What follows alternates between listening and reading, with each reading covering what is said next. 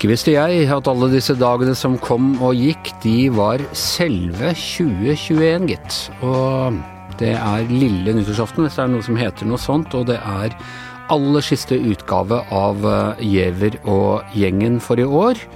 Og altså siste i vår lille juleserie, hvor vi da har møtt folk fra andre podkaster her på huset, og vi må si at vi har spart vår nærmeste til slutt, vår, eh, vår søsterpod, eh, Krimpodden. Velkommen, Øystein Millie. Tusen takk, Anders. Du er jo, jeg må jo si at du har jo vært gjest her i Gjeverøy-gjengen og tidligere da Gjeverøy-Joffen siden faktisk før det var noen krimpod. Ja da, jeg har, har det, og uh, har fulgt med dere både på lufta og av lufta, og uh, syns det er veldig gøy at stadig flere hører på Giæver og gjengen. Ja, og på Krimpodden. Ja da. Vi har hatt gode, vi har hatt et veldig godt år, rett og slett, sånn uh, lyttemessig, begge to. Ja, det er jo tydelig at dette med podcaster, det er i dytten i, i Norge også nå. og det merker vi jo, så det er jo bare å skjerpe seg og levere enda bedre i 2022, så der har vi jo noe å henge oss eh, på, både du og jeg. Ja, det er mulig at det hjelper med litt pandemi, at folk, folk trenger noe å høre på i,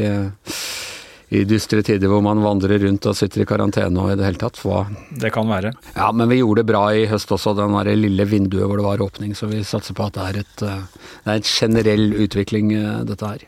Du, eh, tenkte vi, altså vi skal jo oppsummere litt krimåret eh, med deg, og dere har, og det er nesten fælt å si det, dere har jo hatt mer enn nok å, å, eh, holde på med i året som gikk. Eh, Syns du det har vært et. Altså, jeg satt når jeg skulle notere meg ting jeg hadde lyst til å snakke med deg om, så tenkte jeg at dette har vært litt av et krimår. Det har virkelig vært en del svære og ganske forskjellige saker. Er det bare fordi jeg setter meg ned og begynner å se nærmere på det, eller, eller, har dette vært et spesielt år? Nei, det har jo vært et spesielt år, vil jeg si. Og så er det selvfølgelig sånn at stort sett alle år så er det jo saker som er gjort inntrykk og vært spesielle og hatt stor medieoppmerksomhet, og det handler jo ofte litt om det handler ofte litt om uh, at mediene dekker jo de sakene som kommer. Uh, og, så er det selvfølgelig litt uh, forskjell på størrelsen uansett, men, men, det er jo noe der med at man Er det stille, så får jo de sakene som kanskje er litt mindre alvorlige, også mer plass. jeg tror den, den dynamikken ligger der. Men, men, det er klart, det som har vært kanskje veldig spesielt med 2021, er jo Eh, for å begynne der, og som vi skal snakke mer om, er jo at det har vært to-tre eh, gamle saker som har blitt aktualisert på ulike måter. Jeg tenker jo da på Tengs pågripelse og en mistanke om, om delaktighet i Jørgensen, Tina Jørgensen-drapet, og gjenåpningen av Baneheia. Og så er det jo eh, vært flere sånne si, sånne random hendelser som, som treffer veldig helt blindt. Eh, Kongsberg Uh, Bislett og, og, og, og, også da dette Nav-angrepet i, i, Bergen. Og så har det vært uh, så har vi en Lørenskog-sak uh, som jo er og blir helt spesiell, og som, som, ruller i bakgrunnen, og som det fortsatt da sies at det er håp om at kan bli oppklart. Så har det i tillegg vært flere på å si, andre drap og dramatiske hendelser, skytinger i Oslo, som vi også skal snakke mer om. Så ja, Anders. Uh, langt svar på et uh, kort spørsmål. Det har vært en veldig begivenhetsrikt og spesielt krimår på mange måter. La oss begynne med, med den du, nevnte først. Altså, det er, vi har jo hatt en gjenopptakelseskommisjon i flere år. Vi har hatt flere store drapssaker som er blitt tatt opp eh, på nytt. Liland-saken husker jeg som en av de første sånn eh, virkelig store, eh, selv om det var vel før gjenopptakelseskommisjonen. Altså. Men ingen har vel vært så utvetydige som uh, Tengs-saken på at politiet altså Nå må det jo sies at han, fetteren ble jo aldri dømt i, i, strafferetten, men han ble altså sivilt dømt. Veldig mange trodde at han var skyldig, og så kommer det altså fram utvetydig DNA-bevis om at det er en annen. Ja, det ser i hvert fall sånn ut. Nå skal vi jo ta forbehold øh, om at øh, den mannen som sitter i varetekt blir dømt, og han skal få en rettferdig rettergang, og han nekter straffskyld, så det er sagt, men Moderere meg der, det er ikke altså utvetydig bevis, men det kommer altså nye øh, DNA-bevis som tyder ja. på at, kan, at fetteren er helt uskyldig. Jo da, men jeg skal litt til å gi deg rett òg, fordi at retten og politiet har jo eller Retten har jo vurdert det DNA-beviset til å holde til en fengsling etter det som heter straffeprosessloven 172. Og Den stiller jo krav om at det er særlig styrke over altså Bevisene er av særlig styrke. og Han ble varetektsfengsla i tolv uker, og det er også uvanlig. Eh, altså det, det, skjer bare når det er en sånn situasjon. Så, så, så det er en tung, tung eh, bevismengde eh, mot, eller altså tunge bevis mot han. Så det, det er helt riktig. Eh, men, eh, men, ja, det er i hvert fall ingen tvil om, da, for å, også bare for å si det også, fetteren ble jo faktisk dømt strafferettslig i, i første instans, og så ble han frikjent eh, strafferettslig i annen instans. Så han har jo faktisk også blitt utpekt juridisk sett eh, da av, av det som vel var herresrett eller byrett for, for drapet. Men, men det er klart at det er jo da ingen tvil om at alle, i hvert fall i mitt hode, så er det nå både to og tre og fire og fem streker under det svaret om at fetteren er utsatt for et uh, overgrep, en uh, urett, som har prega livet hans og livet til familien hans.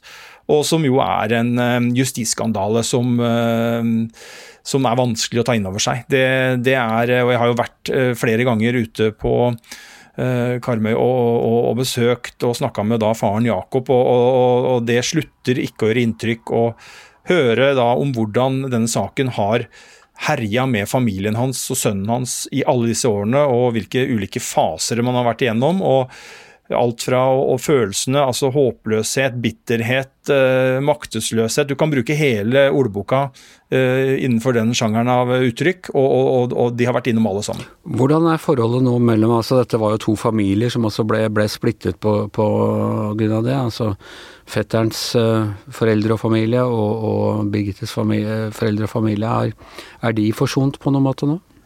Nei, eh, så vidt vi vet så er det ikke det. Og så kan det godt hende at uh, uten at vi, vi er jo, Det er jo ikke opplagt at pressen får vite alt som skjer om, om, det er noe, men det er ikke opplyst at det har skjedd noe der. Og, og det er klart at uh, situasjonen er også ganske håpløs for, um, for foreldrene til Birgitte Tengs, Karin og Torger. fordi at Eh, de har jo trodd at fetteren eh, har vært eh, gjerningsmann i mange år, i alle år.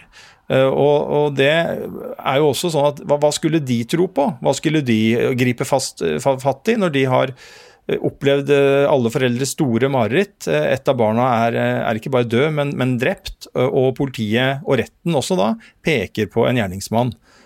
Så, så er det klart at det er jo til å forstå at man griper tak i og tenker at da må det være riktig. Hva annet skal man på en måte navigere etter? og eh, det er også en tragedie ikke sant, at de har jo blitt da, eh, sånn som denne saken står nå, så har også de blitt forledet eh, til å på en måte ikke bare tro på at det var en gjerningsmann, men også peke i retning av egen familie. Så det er, ja, det er en bunnløs tragedie og en skandale som som heldigvis eh, nå da, også og så skal vi ta det forbeholdet om at eh, mannen som sitter i varetekt, han skal få den selvfølgelig på alle måter en rettferdig rettergang, men, men det tyder i hvert fall på at, at, man må kunne se bort fra fetteren og, og på en måte få renvaska han og, og, anklagene der en gang for alle. Ja, ja jeg understreker igjen at det var det, det var det, jeg mente å, å, si i begynnelsen, at altså fetteren som er bevist uskyldig, og så, det, så, så nekter han altså straffskyld, han som er, er utpekt.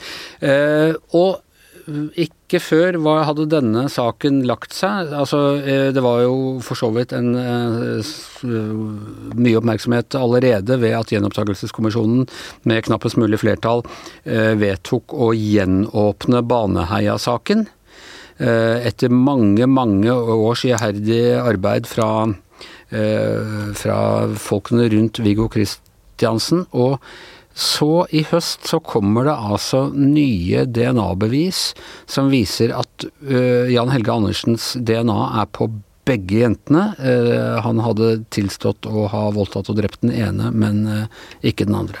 Ja, og det er jo bra uh, nå, uh, uavhengig av alt, at uh, politiet gjør en grundig jobb. Og nå har den etterforskninga som pågår, tatt mye lengre tid enn det man først trodde. og det kan man jo kanskje tenke at det er uh, dumt, på en måte, fordi at uh, man uh, bruker mye tid, men det er jo ikke det. Det er jo et, en styrke.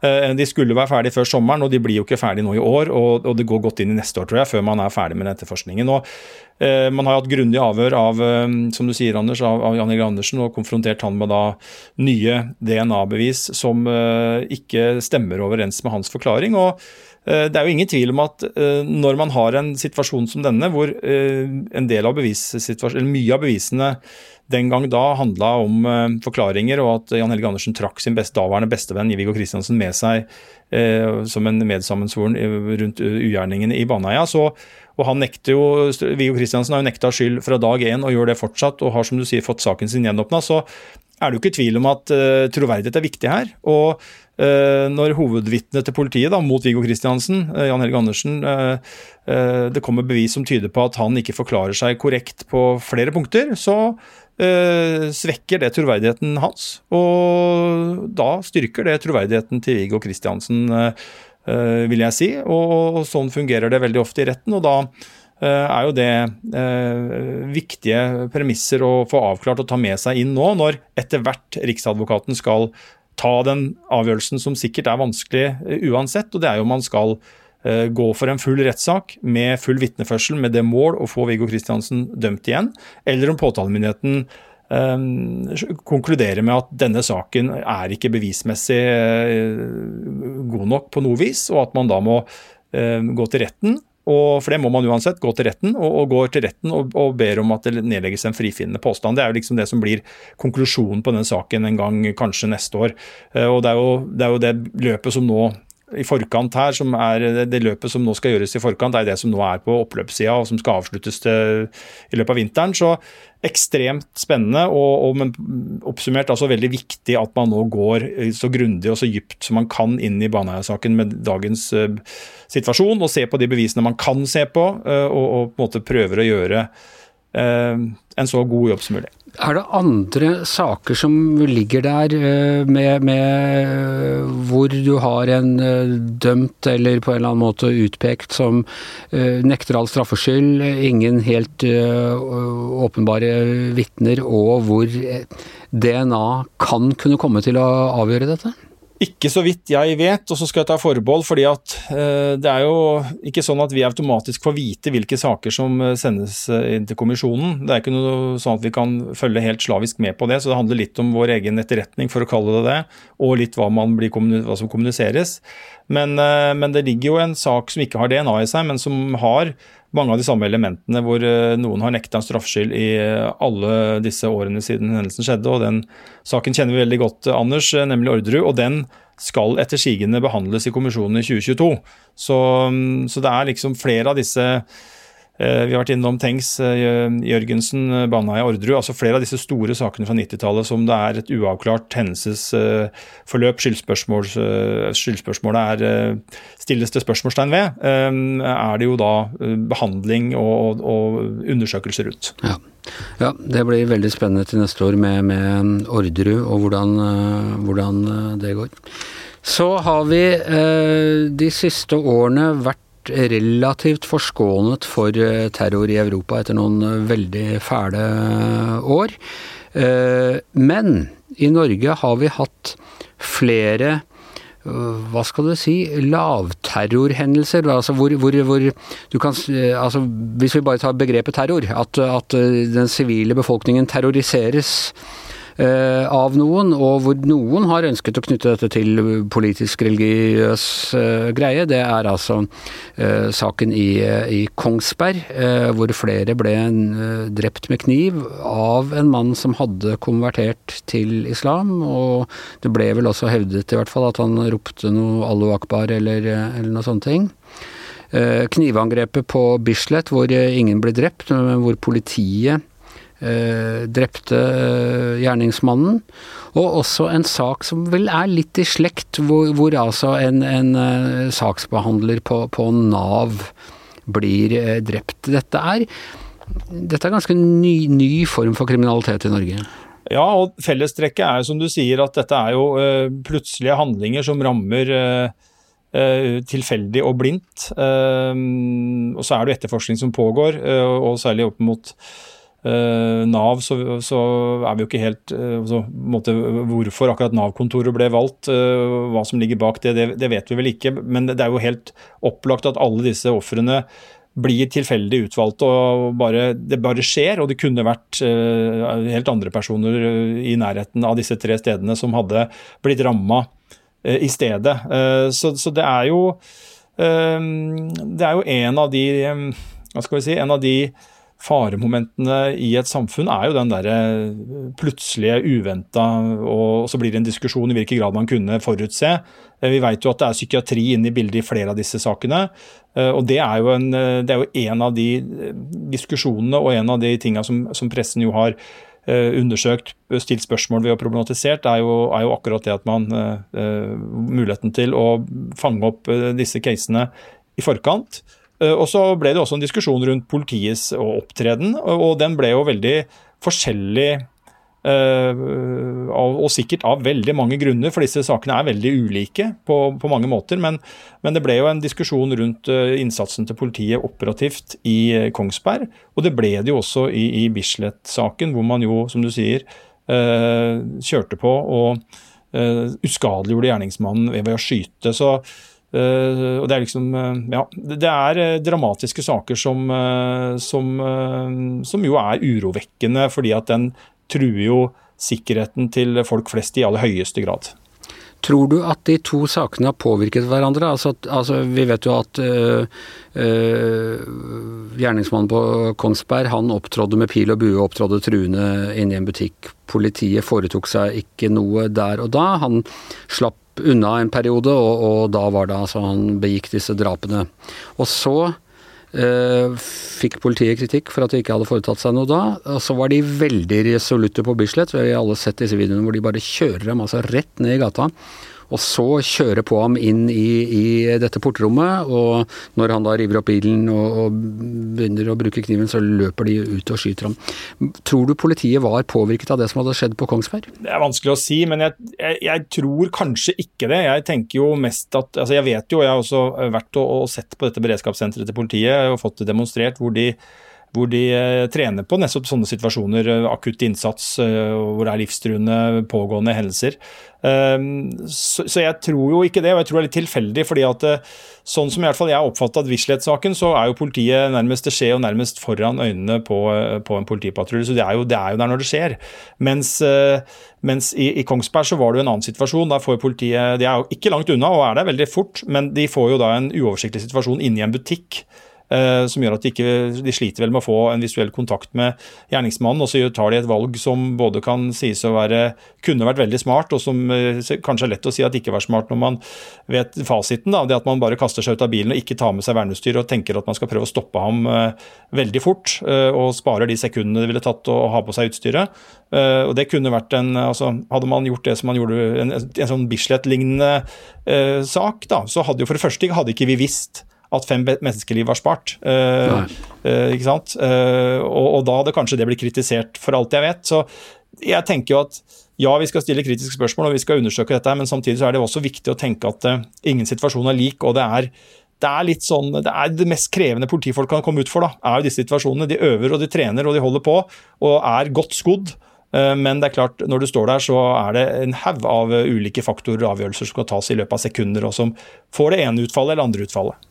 Ja, Man kan jo tenke seg at det ville blitt ganske mye kritikk hvis politiet Altså en mann truer noen med pil og bue, og politiet angriper ham og skader ham, eller til og med eventuelt uh, dreper ham før han hadde forvoldt noen ordentlig skade. Det ville jo nødvendigvis blitt mye kritikk av det òg? Ja, jeg tenker jo at vi i pressen skal være såpass uh, ærlige og sjølkritiske og tenke at hvis det hadde vært sånn at han hadde blitt skutt og ligget død ved en eller annen hylle inne på Coop-butikken der, og vi, så, så, klart at det hadde vært eh, en kritisk blikk på det også, og, og kanskje også for så vidt ut fra den situasjonen med, rette, kan man si. Men det viser jo bare, poenget mitt bare viser at det, det, er, det, er, nyansert, og det er vanskelig og det er krevende. Og jeg har også da, samtidig som vi skal selvfølgelig stille spørsmål ved osv., og, og, og, og kritiske til, til politiets uh, Eh, opptreden, så, så, har jeg stor respekt for uh, den jobben som gjøres og de avveiningene som tas. og, og har jo, prøver jo liksom å sette meg sjøl inn i den situasjonen for å Ja. hvordan det er, da. Og tenke at det, det er sannelig ikke lett. altså Man skal ha det i hodet og tenke. Men det er jo altså politiets fremste oppgave altså å holde oss trygge. Myndighetenes egentlig aller fremste oppgave i, i ethvert samfunn som ikke er et diktatur, er jo å sørge for at, eh, at innbyggerne er trygge. Og nå har vi hatt i år, virker det som, altså igjen bare en opplevelse jeg har, men veldig mange skyteepisoder. og, og er vi liksom på vei mot et mer utrygt samfunn? Ja, jeg tror jo eh, at den utviklinga der eh, Den må jo begrenses og forsøke å stoppes, men det er klart at det, det tyder jo på at det er eh, en lavere terskel for å ty til vold, og da også så dramatisk vold som å bruke skytevåpen. og jo, det, er jo sagt at det ikke er noen sammenheng, og det kan man på en måte si at er både en fordel og en ulempe.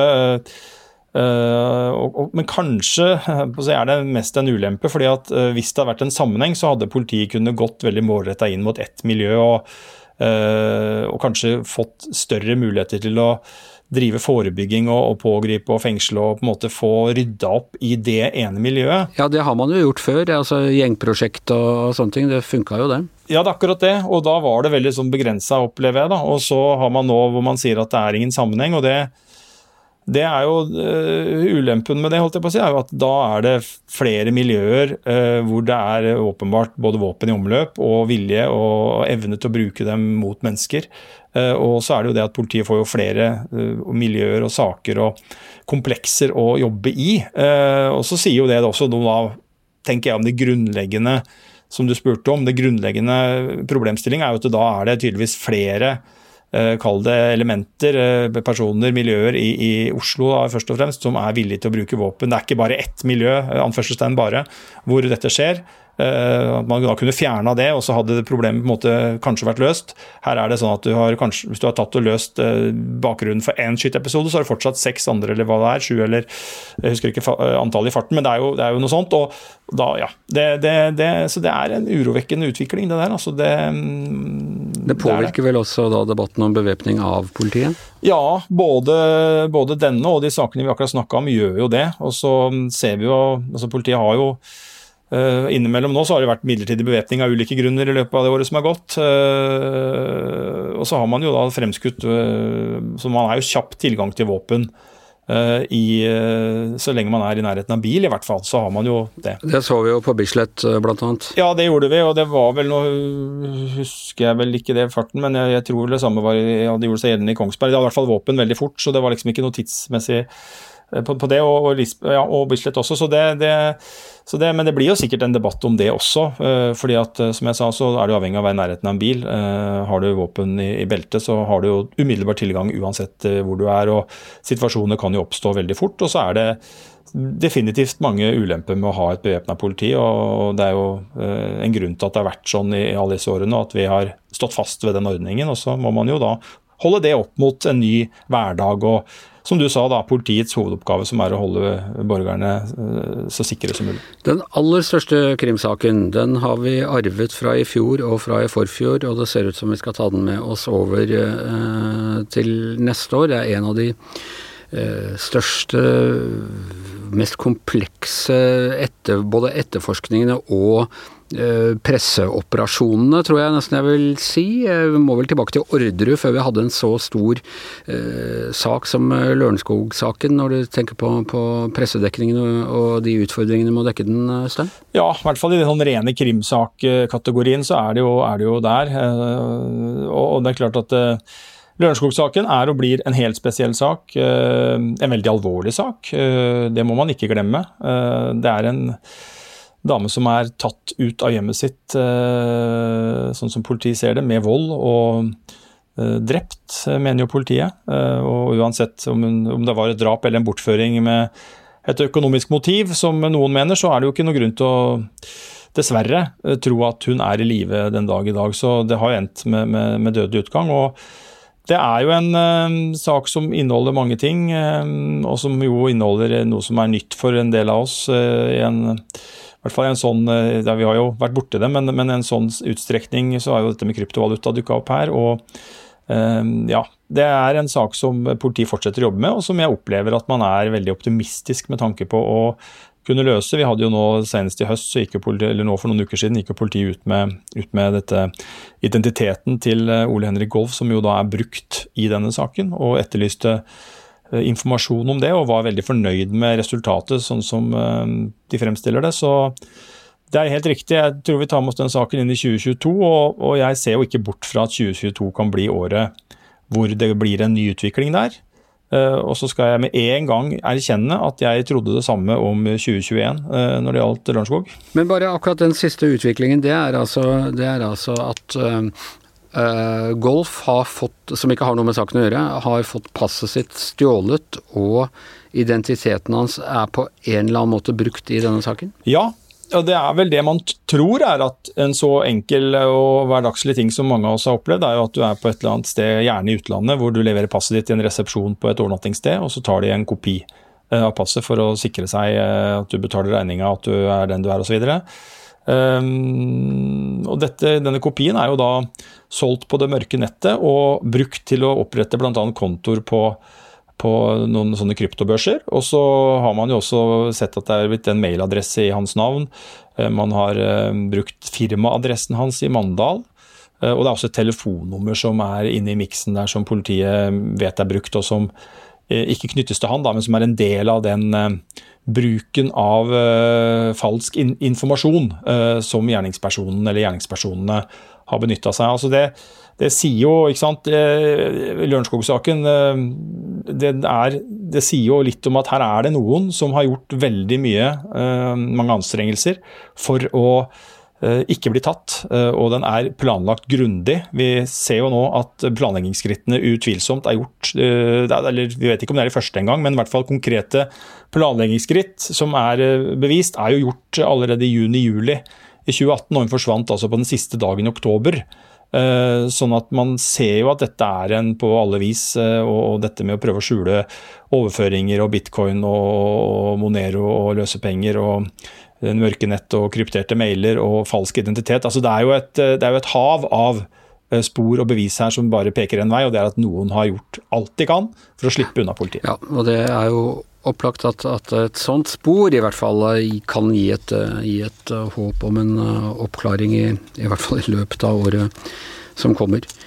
Til slutt, Øystein, hvilken av disse sakene har gjort mest inntrykk på deg sånn rent Jeg mener, du, du står jo oppe i de aller verste sakene absolutt uh, hele tiden. Hvilke, hvilke, har gjort mest inntrykk på deg sånn personlig? Ja, det er faktisk sånn at De fleste sakene gjør på et eller annet vis inntrykk personlig selv etter så mange år, og det jeg, det er jeg faktisk glad for. At du kjenner på uh, også den delen av følelsesregisteret når du jobber med disse sakene. Det er umulig å ikke bli berørt av, av mange av dem og av, av skjebnene. og, og og alle belastningene som det fører med seg både for ofre og uh, andre. Men, uh, men, det har vært et spesielt år også i den forstand at vi, vi opplevde jo at en av eh, Norges mest profilerte forsvarsadvokater, uh, Tor Kjærvik, ble skutt og drept hjemme av sin egen sønn. og Både du og jeg har jo kjent og kjente jo Kjærvik godt. Vi var innom Orderud så vidt, og han hadde jo den. Han hadde Nokas. Han hadde en sak som heter Dødens gård, og, og mange andre saker, og, og var en eh, profilert advokat. Og det er klart at da, da ja, det blir noe spesielt når du kjenner den som blir utsatt for en kriminell handling, og her i dette tilfellet da et drap eh, på et sånt eh, profesjonelt, men likevel personlig plan. Ja, nei, det er uh, utsatt for nettopp å og for en forsvarsadvokat eh, selvfølgelig også å, å møte en, en, slik skjebne. Jeg tenkte faktisk flere ganger når jeg så ham i retten at Kjærvik kunne jeg godt tenkt meg hatt som forsvarsadvokat hvis jeg hadde kommet i problemer. Ja, og jeg vet jo hva han hadde tenkt eh, på å si, tror i hvert fall jeg vet at han hadde jo vært opptatt av at den som nå er eh, anklaga for å ha, ha, drept ham, og som da Altså, han ville ha, helt sikkert ha ment at han skulle ha det beste forsvaret, ja, det, som var å oppdrive. Så, så, så, sånn var han jo. Ja, nei, det er det. Er det ingen tvil om. Ok, eh, det var eh, de, noen av de største krimsakene som har, eh, har vært i året som som gikk. Du, du, vet heldigvis ikke noe selv om hva som er i året som, som kommer, Øystein. Men uh, dere er tilbake om ikke altfor lenge? Ja da, vi er tilbake igjen i januar, og da er jo Tor Erling tilbake igjen fra sin velfortjente pappaperm. Uh, og så Ja, altså her må jeg jo si at Vi vet jo faktisk eh, en del om hva vi skal ha med oss inn neste år. fordi Mange av disse sakene vi snakker om nå, de er jo, de er jo ikke mm, avslutta på noe vis. Nei. Eh, vi får jo kanskje vi får jo svaret på hva som skjer med Baneheia-saken neste år. Vi får sannsynligvis en, en, en rettssak i Tengs-saken. Som jeg sa, kanskje blir det et, en utvikling i, i Lørenskog-saken. Så, og, og, disse andre sakene også, så skal de jo ta stilling til om det er sånn at disse gjerningspersonene, i, i hvert fall i, i Nav-saken og i Kongsberg-saken, om de er og, og i Kjærvik-saken, om de er strafferettslig tilregnelige, eller hva, hva, som er situasjonen der. For det er jo et spørsmål i flere, i flere av de sakene. Og det blir eventuelt rettssaker. Så, så, vi vet jo en del. Og så vet vi også det, Anders, at det dukker opp uh, nye ting. Uh, så, så, vi må bare ta uh, og på en måte være klare og rapportere og analysere og belyse Eh, både konkrete saker og større problemstillinger innenfor krimverden eh, når vi er tilbake. Og Når det skjer noe eh, på krimfronten i Norge, da vet alle hvor de skal gå. Da er det selvfølgelig til, til VG, som dekker på dette på, på, absolutt alle plattformer på den aller beste måten. Det var det vi hadde, ikke bare for i dag, men eh, for i år. Eh, tusen takk til alle lyttere som har fulgt oss eh, gjennom året. Det er, det er, dere som gjør at vi kan holde på med dette her. Tusen takk for alle tilbakemeldinger. Fortsett å gi det. Det blir et spennende podkastår til, til neste år med, med nye satsinger og nye variasjoner, men vi er altså ferdig for 2021. Eh, eh, på hjemmekontor eh, Øystein Milli, her i studio Anne Skjever og vår kriminelt gode produsent har gjennom hele året vært, og er også i dag, Magne Antonsen.